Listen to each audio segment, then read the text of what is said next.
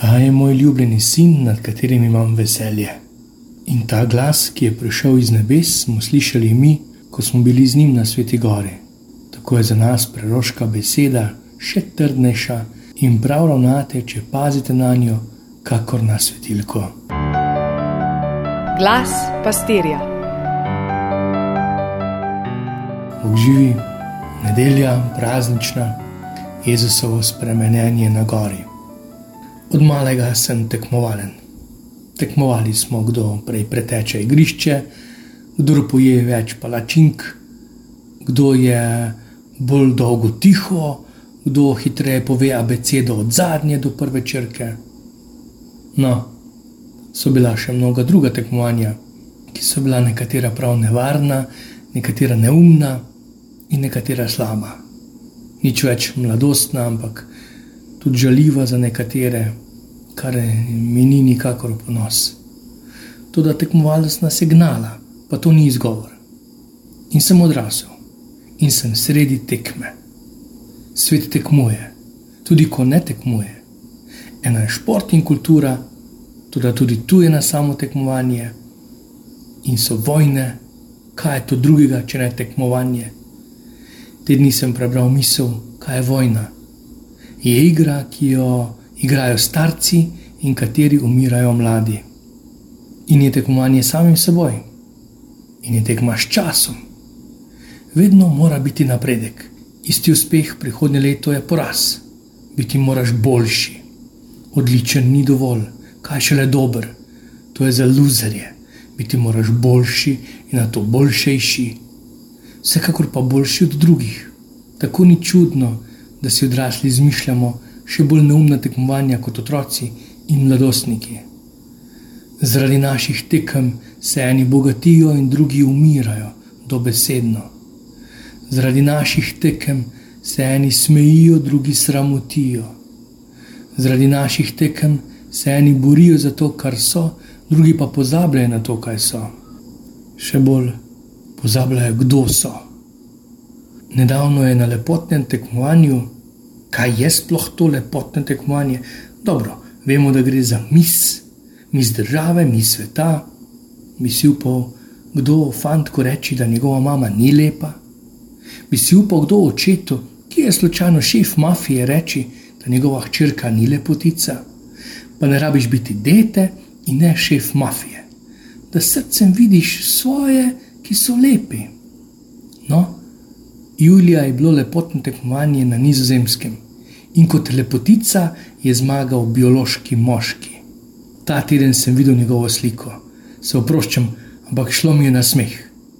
Če so bile v komisiji samo ženske, je takšen izid morda možen. Ženskam so pač všeč moški, tudi to sprenevedanje. No, To so neumne tekme, ki stanejo potrpežljivosti, strpnosti, vztrajnosti, zmernosti, jasnosti. Mnoge mlade, ki v puberteti iščejo svoj jaz in jim mi, starci po srcu, s temi tekmami samo, jih samo zavajamo, dražimo in vodimo proč od srca, vsekakor pa proč od zdrave pameti. In se je šel človek tekmo z Bogom, nič koliko krat ko se miš lažje spravi na slona. Pa se je človek, danes pa smo priča, ko tekma odpade. Na gori spremenjenja vse obstrmi, zaprepade, obstoji in da slavo in čast.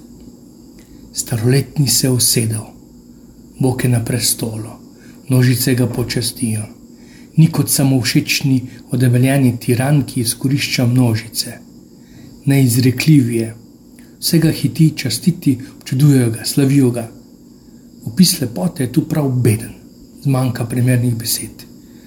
Prerok Daniel ga opiše kot staroletni se je usedel. Njegovo oblačilo je bilo belo, kakor sneg, in lase njegove glave, kakor čista volna. Njegov prestol so bili ognjeni plameni in njegova kolesa goreč ogen. In napove, Na oblakih neba je prišel sin človeku, ki ga Matej opiše kot obraz, se mu je svetil kot sonce, in njegova oblačila so bila so postala bela kot luč.